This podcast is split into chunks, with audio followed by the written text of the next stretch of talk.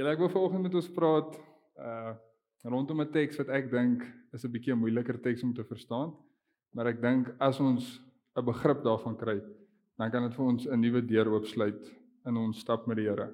Dit kan vir ons 'n nuwe deur oopsluit rondom ons identiteit en ek glo alles wat ons doen, doen ons vanuit dit wat ons glo. Jy weet, alles wat ons doen, doen hy doen ons van dit wat ons begryp van wie God is en van wie ons is as gevolg van hom. Dit is maar wat teologie vir my is. Teologie is nie vir my net kennis nie. Teologie is op die einde van die dag dit wat bepaal wat ek doen.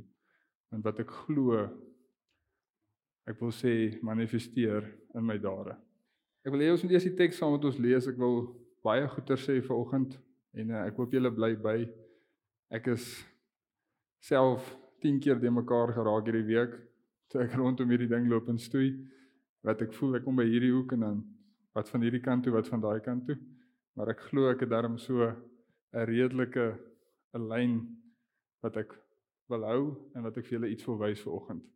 So blaai asseblief saam met my na 2 Petrus 1 toe. En gaan ons vaarklik in vers 3 begin. Maar voor ek begin, wil ek sommer vir jou 'n vraag vra. Wie van julle het al van die menslike natuur gehoor? Die menslike natuur, né? Nee? Wie van julle het al van die goddelike natuur gehoor? Jana is minder. Jana is minder, heel wat minder. Hoekom praat ons oor die menslike natuur, maar ons praat oor die goddelike natuur? Hou dit in gedagte. OK, so kom ons lees 2 Petrus 1 vanaf vers 3.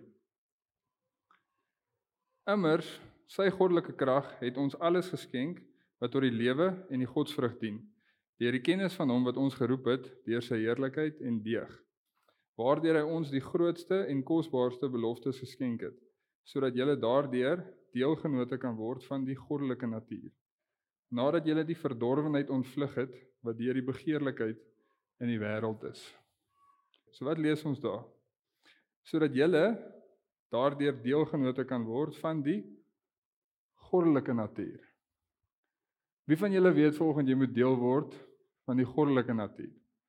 Wie van julle weet dit? Nou is die ander weer meer. Nou maak julle my de mekaar. So, in vers 4 staan daar: Nadat julle die verdorwenheid ontvlug het wat deur die begeerlikheid in die wêreld is. So ek wil 'n paar goed sê rondom die goddelike natuur, maar ek moet eers 'n basis lê dat ek seker maak ons is almal op dieselfde vlak, dat ons 'n plek het om vanaf te werk. Nou as jy 'n beter basis as Genesis 1 nie, so kom ons gaan na Genesis 1 toe. Ek wil 'n paar verse lees tussen Genesis 1, 2 en 3 om vir ons 'n basis te lê waarvan ons moet werk, om vir ons 'n verwysingspunt te gee. So in Genesis 1 vers 26. Lees saam met my. Genesis 1 vers 26. En God het gesê, laat ons mense maak na ons beeld, na ons gelykenis en laat hulle heers oor die visse van die see en die voëls van die hemel en die vee en oor die hele aarde en oor al die diere wat op die aarde kruip. En God het die mense geskape na sy beeld Na die beeld van God het hy hom geskape, man en vrou het hy hulle geskape. OK. So ons sien in vers 26 dat ons mense maak na ons beeld, na ons gelykenis. God het nie gesê dat ons die mens maak na ons gelyke nie. Hy het gesê dat ons die mens maak na ons gelykenis. So ek wil klaar daai ding skrap van die goddelike natuur sê ek ver oggend julle het God geword. Dis glad nie wat ek sê nie. Ek sê nie ek het God geword nie. Ek sê nie enigiemand het God geword nie. Ons het deel gekry aan die goddelike natuur. In die begin het God ons gemaak na sy gelykenis. Dit is soos hy. Soos hy. Nie hy self nie, soos hy. Nie sy gelyke nie, sy gelykenis. Ek wil bou wat hom Egbert laasweek gesê het rondom van hom in die spieël te kyk. Wat sien ons as ons in die spieël kyk? Blaai saam my na Genesis 3 toe. So ons ken die storie. Skepping is voltooi. Adam en Eva is in die tuin van Eden. En wie kom na hulle toe? Die slang. Op vier voete aangeloop. Kom die slang na hulle toe aangeloop. En hy sê vir hulle die volgende. Kom ons lees van vers 1 af. Maar die slang was lustiger as al die diere van die veld wat die Here God gemaak het. En hy sê vir die vrou: "Is dit ook so dat God gesê het jy mag nie eet van al die bome van die tuin nie?" Hoor daai vraag. Nou wat het God vir hulle gesê? Kom ons lees een hoofstuk vroeër, Genesis 2 vers 15. Toe het die Here God die mens geneem en hom in die tuin van Eden gestel om dit te bewerk en te bewaak. En die Here het aan die mens bevel gegee en gesê: "Van al die bome van die tuin mag jy vry eet, maar van die boom van die kennis van goed en kwaad, daarvan mag jy nie eet nie. Want die dag as jy daarvan eet, sal jy sekerlik sterwe." So die vyand kom al klaar met leuns, né? Ek het al gehoor mense sê hy kom met 'n halwe waarheid na jou toe. Ek weet nie wat 'n halwe waarheid is, want halwe waarheid is 'n leuen. Daar's of waarheid of daar's 'n leuen. So hy sê al klaar vir hulle. Hy begin al klaar sy web van manipulasie om hulle te draai. Hy sê vir hulle, hy het gesê julle mag van geen bome eet nie, né? En wat sê Eva vir hom? En die vrou antwoord die slang Genesis 3 vers 2. Van die vrugte van die bome in die tuin mag ons eet, maar van die vrugte van die boom wat in die middel van die tuin is, het God gesê, julle mag daarvan nie eet nie en dit nie aanroer nie, anders sal julle sterwe. Vers 4. Toe sê die slang vir die vrou, julle sal gewis nie sterwe nie. Maar God weet dat as julle daarvan eet, julle oë sal oopgaan sodat julle soos God sal wees deur goed en kwaad te ken. Is hulle alreeds soos God? Adam en Eva. Beeld en gelykenis geskape. Wat sê die vyand vir hulle? As julle die vrug eet, dan gaan julle soos God wees. Maar dis nie die waarheid, julle is reeds soos God. Hulle ken net goed. Want hulle ken net vir God op hierdie stadium in ononderbroke verhouding. Hulle ken net goed. En die vyand kom en hy draai dit. En hy sê, nee nee nee. As julle van daai vrug eet, dan sal julle soos God wees. Hy maak dadelike aanspraak op hulle identiteit. Want die vyand wil van die begin af ons identiteit van ons af wegvat. Want hy weet as ons ons identiteit begin verstaan, dan is daar moeilikheid vir hom. Kom ons lees verder. Genesis 3 vers 6. Toe sien die vrou dat die boom goed was om van te eet en dat hy 'n lus was vir die oë. Ja, 'n boom wat 'n mens kan begeer om verstand te kry. En sy neem van sy vrugte en eet en gee ook aan haar man by haar en hy het geëet. Toe gaan albei so oop en hulle word gewaar dat hulle naak is en hulle het vye blare aan mekaar gewerk en vir hulle skorte gemaak. Ek wil weer vers 6 lees dat hy vars in ons gedagtes is. Toe sien die vrou dat die boom goed was om van te eet en dat hy 'n lus was vir die oë. Ja, 'n boom wat 'n mens kan begeer. Kom ons gaan terug 2 Petrus 1 toe. So wat het gebeur toe hulle geëet het daarvan? Ons ken die storie. Die sondeval het plaasgevind, né? Toe Adam geëet het van die vrug, toe kom 'n mens in 'n gefalle toestand. Hoekom het ons in 'n gefalle toestand gekom? Want ons het geestelik gesterf. Ons het geestelik gesterf. Dit was ons geestelike dood in die tuin. Nou hoor nou wat sê 2 Petrus 1 vers 4 waardeur hy ons die grootste en kosbare beloftes geskenk het sodat julle daardeur deelgenote kan word van die goddelike natuur nadat julle die verdorwenheid ontvlug het wat deur die begeerlikheid in die wêreld is. Die begeerlikheid wat in die wêreld is, het oor het ontstaan by Eva wat na die vrug gekyk het, het julle dit gesien. En sy het gesien dit was 'n lus vir die oë en iets om na te begeer. Daardie begeerlikheid ontstaan. En daai begeerlikheid het tot wat gelei? Verdorwenheid. Dis 'n beginsel. Blaai gou Jakobus 1 toe. Dis net so 'n paar bladsye voor hierdie. Jakobus 1 vers 12. Gaan daar begin. Ek wil 'n paar skrifte lees en dan sal ek bietjie meer praat, maar ek besef regtig die skrif praat soveel duideliker as wat enige een van ons kan praat. Psalm 12 vers 6 sê dat die woord het die Here het sy woord 7 maal gelouter. Nou ek ek ek moet julle dood eerlik, my woorde is nie sewe maal gelouter nie. So ek sal eerder maar meer skrif lees. Jakobus 1 vers 12. Salig is die man wat versoeking verdra, want as hy die toets deurstaan het, sal hy die kroon van die lewe ontvang wat die Here beloof het aan die wat hom liefhet. Laat niemand as hy in die versoeking kom sê ek word deur goed God versoek nie, want God kan nie deur die kwaad versoek word nie en self versoek hy ook niemand nie. Maar elkeen word versoek as hy deur sy eie begeerlikheid weggesleep en verlok word. Eva en Adam het nie gesondig toe hy vir hulle gesê het gaan eet van die vrug nie. Eva het begeer na die vrug en toe sy en Adam daarvan geëet. Sy's deur haar eie begeerlikheid weggesleep en verlok. En so is dit ook baie met ons vandag. Ons dink die vyand wat vir ons iets sê soos gaan eet daai vrug is die bron van die sonde. Maar eintlik is dit ons eie begeerlikhede wat ons daarna toe sleep. Ons kyk nog steeds aan daai appeltjie en dink, hy lyk aan vars en rooi en lekker. Ek sê appel, ons weet nie wat dit was nie. Maar ons almal weet hoe lyk 'n lekker vars rooi appel. Hy's hom lekker as jy so in hom inslaan en hy kraak so in jou mond, soet. Ons kyk vandag nog na daai ding en dink daai appel lyk 'n bietjie beter as hierdie een wat al so 2 dae in my in my vrugtelaai lê. OK. So, verder vers 14.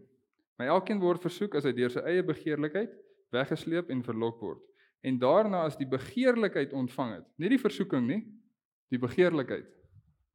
Die versoeking is net die wegtree, is net die daai ek's apteker, nê? Nee? So in universiteit het hulle vir ons gaan wys waar hulle van die toetse doen op hierdie rotte. Nou die rotte stel nie veel in die goed belang as dit nie vir hom aanloklik lyk nie. Hulle moet in 'n manier hierdie goed in die rotte inkry. Die medikasie wat hulle wil toets. So hulle maak dit vir die rotte op so 'n manier dat die rotte dit wil kom kou of wil kom hap of wil kom eet of wil kom drink aan die goeters. Hulle moet dit vir hom aanloklik maak. As dit nie vir hom aanloklik is nie, dan stel hy nie daaraan belang nie. Maar dis net die versoeking. Die rot moet begeer wat daar is. Die rot moet honger wees, die rot moet dors wees, dan moet 'n begeerte wees. En die rot gaan soek net enigiets om hierdie begeerte te vervul. OK. So as die begeerlikheid ontvang het, baar dit sonde.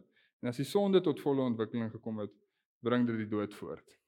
Jakobus glo ek het die verhaal van Genesis gelees en hy het gekyk hoe loop die stappe. Hy het gesien daar was 'n versoeking.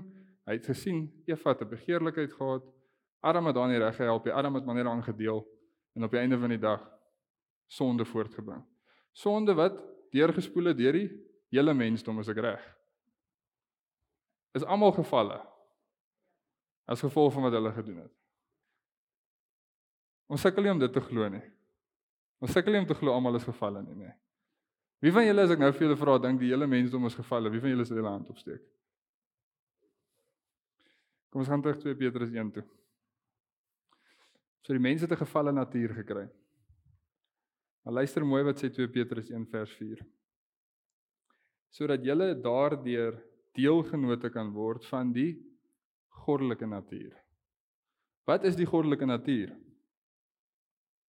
Die woord goddelik hierso word in Engels vertaal divine, divine nature. Hy word so 2-3 keer in die Nuwe Testament gebruik. En in 'n ander konteks wat hy gebruik word, praat dit letterlik van God die Vader, God die Seun en God die Heilige Gees. Die Godheid. Is van wie dit verwys? Die Godheid. En hulle sê, die skrif sê ons het deel geword aan hierdie natuur. En hy noem dit die goddelike natuur. Want ons het deel geword aan Jesus se natuur. OK. Ek wil bietjie deur hierdie twee verse gaan. Ek dink daar's so baie wat ons kan uittrek uit. Kom ons begin in vers 3. Immers sy goddelike krag het ons alles geskenk. Wie se krag? Sy goddelike krag. Wat is God se krag? Wat is God se krag?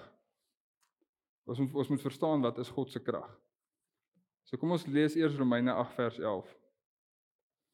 Julle kan saam met my bly of ek lees hom sommer vir ons. Romeine 8 vers 11 sê die volgende: en die gees van hom wat Jesus uit die dode opgewek het wat in julle woon dan sal hy wat Christus uit die dode opgewek het ook julle sterflike liggame lewend maak deur sy gees wat in julle woon. En as die gees van hom wat Jesus uit die dode opgewek het. Hoe baie krag dink julle moet daar wees vir iemand om uit die dood uit op te staan? Ek dink jy ons het regtig 'n begrip vir daai krag hê maar ek dink nogal dis iets kragtig. Die krag wat vir Jesus uit die dood uit opgewek het. Selfe boek Romeine 1 vers 16. Romeine 1 vers 16 sê: Want ek skaam my nie oor die evangelie van Christus nie. Wat is die evangelie van Christus? Sy sterf en sy opstanding. Die krag van sy sterfte en die krag van sy opstanding. Die krag waaraan opgesluit lê. Want dit is die krag tot redding, die krag van God tot redding vir elkeen wat glo. Want dit is die krag van God. Die evangelie van Christus is die krag van God. Die Gees wat vir Jesus uit die dood uit opgewek het en die evangelie is die krag van God. Ons gaan nou terug 2 Petrus 1 toe. So immer sy goddelike krag Jesus se sterf, sy opstanding het ons alles geskenk wat tot die lewe in die godsvrug dien. Deur die kennis van hom, wat is die kennis van hom? Dis die evangelie. OK. Wat ons geroep het deur sy heerlikheid en deeg, waardeur hy ons die groot en belofbare en kosbare beloftes geskenk het. Daai groot en kosbare beloftes wat hy ons geskenk het. Glo ek heel eerstens is sy Heilige Gees. As jy daar begin in die boek van Joël 2, dan sal jy sien Petrus haal dit aan by die dag van Pinkster en hy sê en dit is wat in die laaste dae sal gebeur. Ek sal my gees op alle vlees uitstort. Daai is 'n kosbare belofte. En die Heilige Gees ontvangste van God se kant af is nie iets wat ons verdien het nie. Dit is 'n geskenk.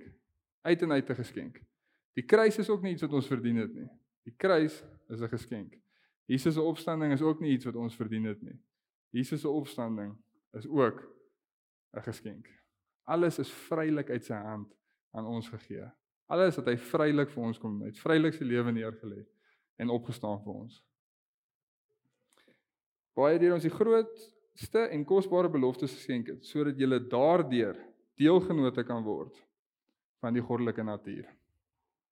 Sodat jy daardeur deelgenote kan word van die goddelike natuur. Ons het gesê die mense in die tuin wat ons wat wat wat het ons gekry daaroor? Deur die sonde het ons 'n gefalle natuur gekry. Jesus het gekom om ons te herstel tot op 'n plek waar ons was in die tuin. sien julle dit? sien julle dit hier vanaf? Hy het gekom om ons te herstel tot op 'n plek waar ons was voor die sondeval. Wat is daai plek?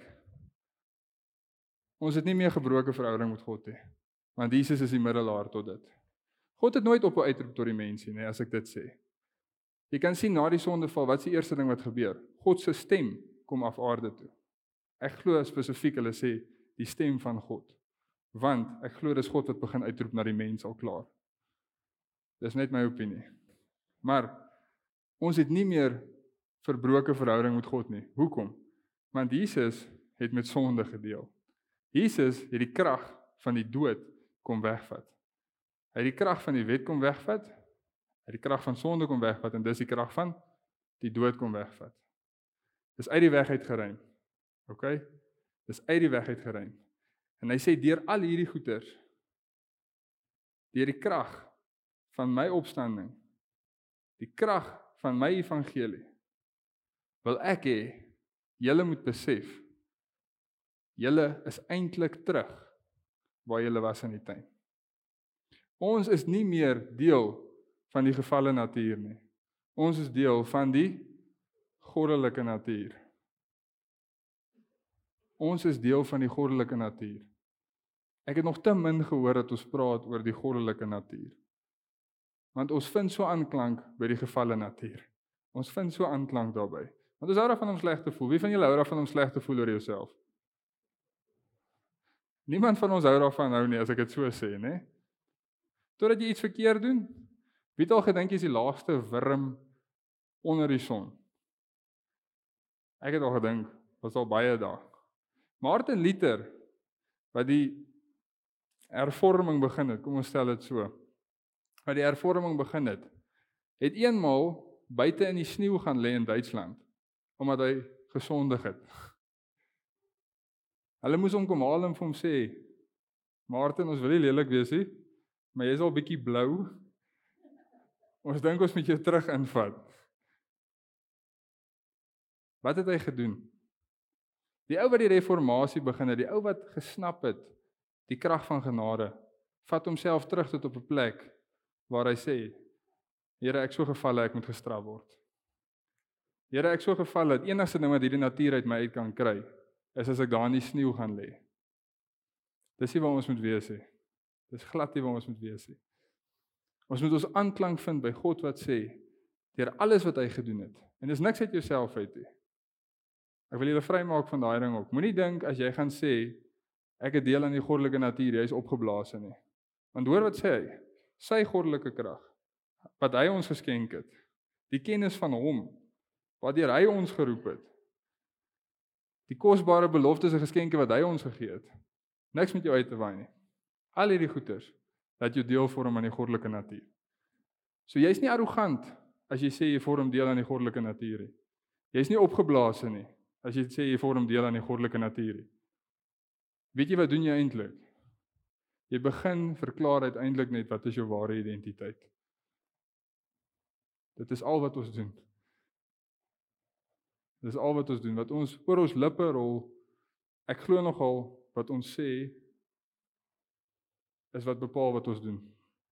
Ek glo nogal wat ons glo is wat bepaal wat ons doen en ek glo ook nogal wat ons sê is wat bepaal wat ons doen. Want ons neig nogal om te gaan waar ons lippe sê. Ons neig nogal om die woorde te glo wat ons eie monde uitkom. En dit verander soms ons koers baie vinnig.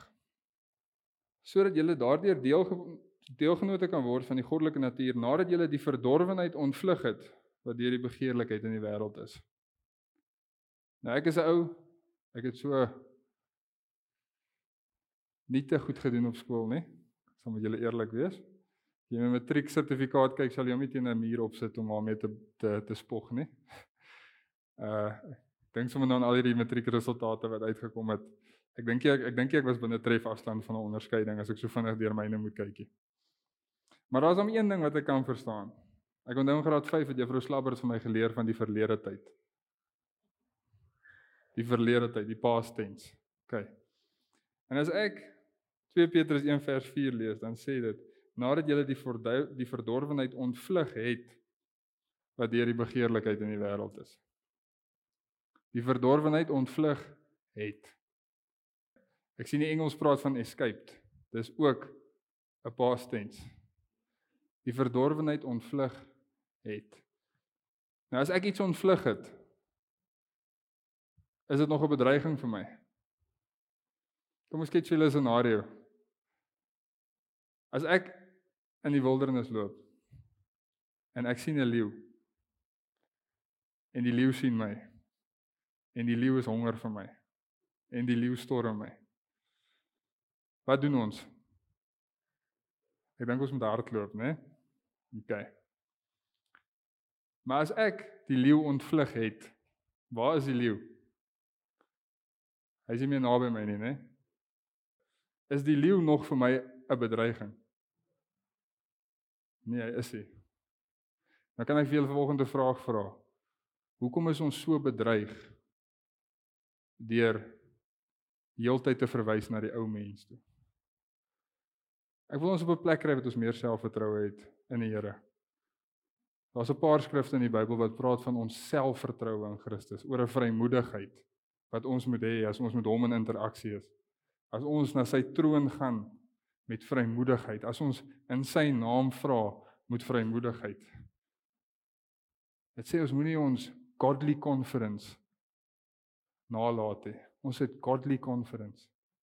En dis niks uit onsself uit nie. Kom alles uit hom uit. Hy vra net een ding. Glo dit, gryp dit aan. Besef die verdorwenheid het julle ontvlug. Eva en Adam wat daai appel geëet het, is nie meer vandag vir my en jou 'n bedreiging nie. Is dit 'n radikale stelling om te maak? Ek dink dit is 'n radikale stelling om te maak. Maar julle kan met my kom gesels daaroor na die tyd. Ek's oop vir dit enige tyd. Maar ek wil dit sê. Hoekom is dit nie meer vir ons 'n bedreiging vandag nie? Omdat ons die evangelie ontvang het. Omdat Jesus Christus uit die dood uit opgestaan het. Kom ek lees gou vir julle 'n skrif. Blaai saam met my na 1 Korintiërs 15 toe. So 1 Korintiërs 15. Kom ons lees sommer daar van vers 22. Want soos hulle almal in arm sterwe, so sal hulle almal ook in Christus lewend gemaak word. Weereens die werk van Christus maak lewend. Nie die werk van die mense, die werk van Christus. Soos almal in arm sterf, almal in Christus. My vraag aan julle, het Christus alreeds die werk gedoen?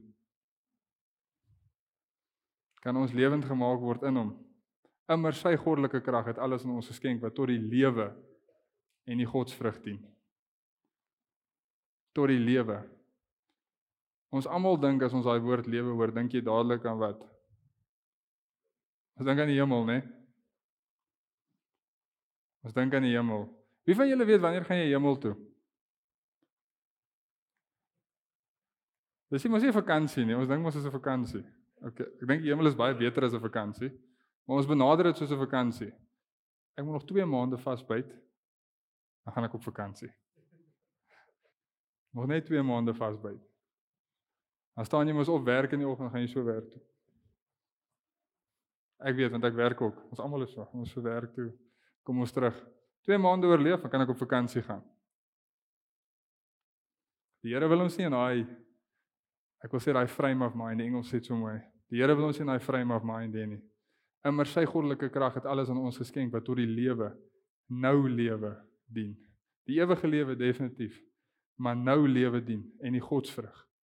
Want in hierdie lewe moet ons godsvrug sien. Ons het deelgenote geword aan die natuur van Christus en ons moet die vrugte van Christus sien in ons lewe. As jy gaan bly by jou gefalle natuur, Weet jy wie se vrug gaan jy sien? Jou gevalle natuur se vrug. As jou kop daar gaan bly. Want hierdie is nie noodwendige ding wat so in ons gees moet gebeur soos wat dit moet gebeur in ons gedagtes nie. As jy nooit jou gedagtes van jou gevalle natuur gaan afkry nie, dan gaan jy net altyd sondige reine bly wat op die ashoop wil sit. En jy gaan dink jy's good for nothing. En ek dink eintlik is 'n massiewe belediging vir die kruis en vir die opstanding wat hy op die derde dag gemaak het. Ek dink dit is 'n massiewe belediging vir dit. Kom ons blaai daar in Romeine 5 toe. Romeine 5 vers 12. Daarom soos deur een mens die sonde in die wêreld ingekom het en deur die sonde die dood en so die dood tot alle mense deurgedring het omdat almal gesondig het. Want voor die wet was daar al sonde in die wêreld, maar sonde word nie getoegereken as daar geen wet is nie. Tog het die dood geheers van Adam tot op Moses ook oor hulle wat nie gesondig het nie. En die gelykheid van die oortreding van Adam nie wat 'n voorbeeld is van hom wat sou kom. Maar dit is met die misdaad nie soos met die genadegawe nie. Want as deur die misdaad van die een baie gesterf het, een van Adam se misdaad, veel meer het die genade van God en die gawe deur die genade van een mens, Jesus Christus, vir baie oorvloedig geword. Dis net nog 'n skrif wat ek wil hê julle moet gaan dink oor. Gaan lees hom weer. Een daad van sonde het ons almal gedompel in sonde. Ek wil sê een daad van geregtigheid het vir ons almal die goddelike natuur teruggekoop. Was een ding wat ons moet doen van ons kant af. Hy doen alles. Hy sê glo. Gryp hom aan. Gryp vir Jesus aan. Gryp vir Jesus aan as jy dit nog nie gedoen het nie.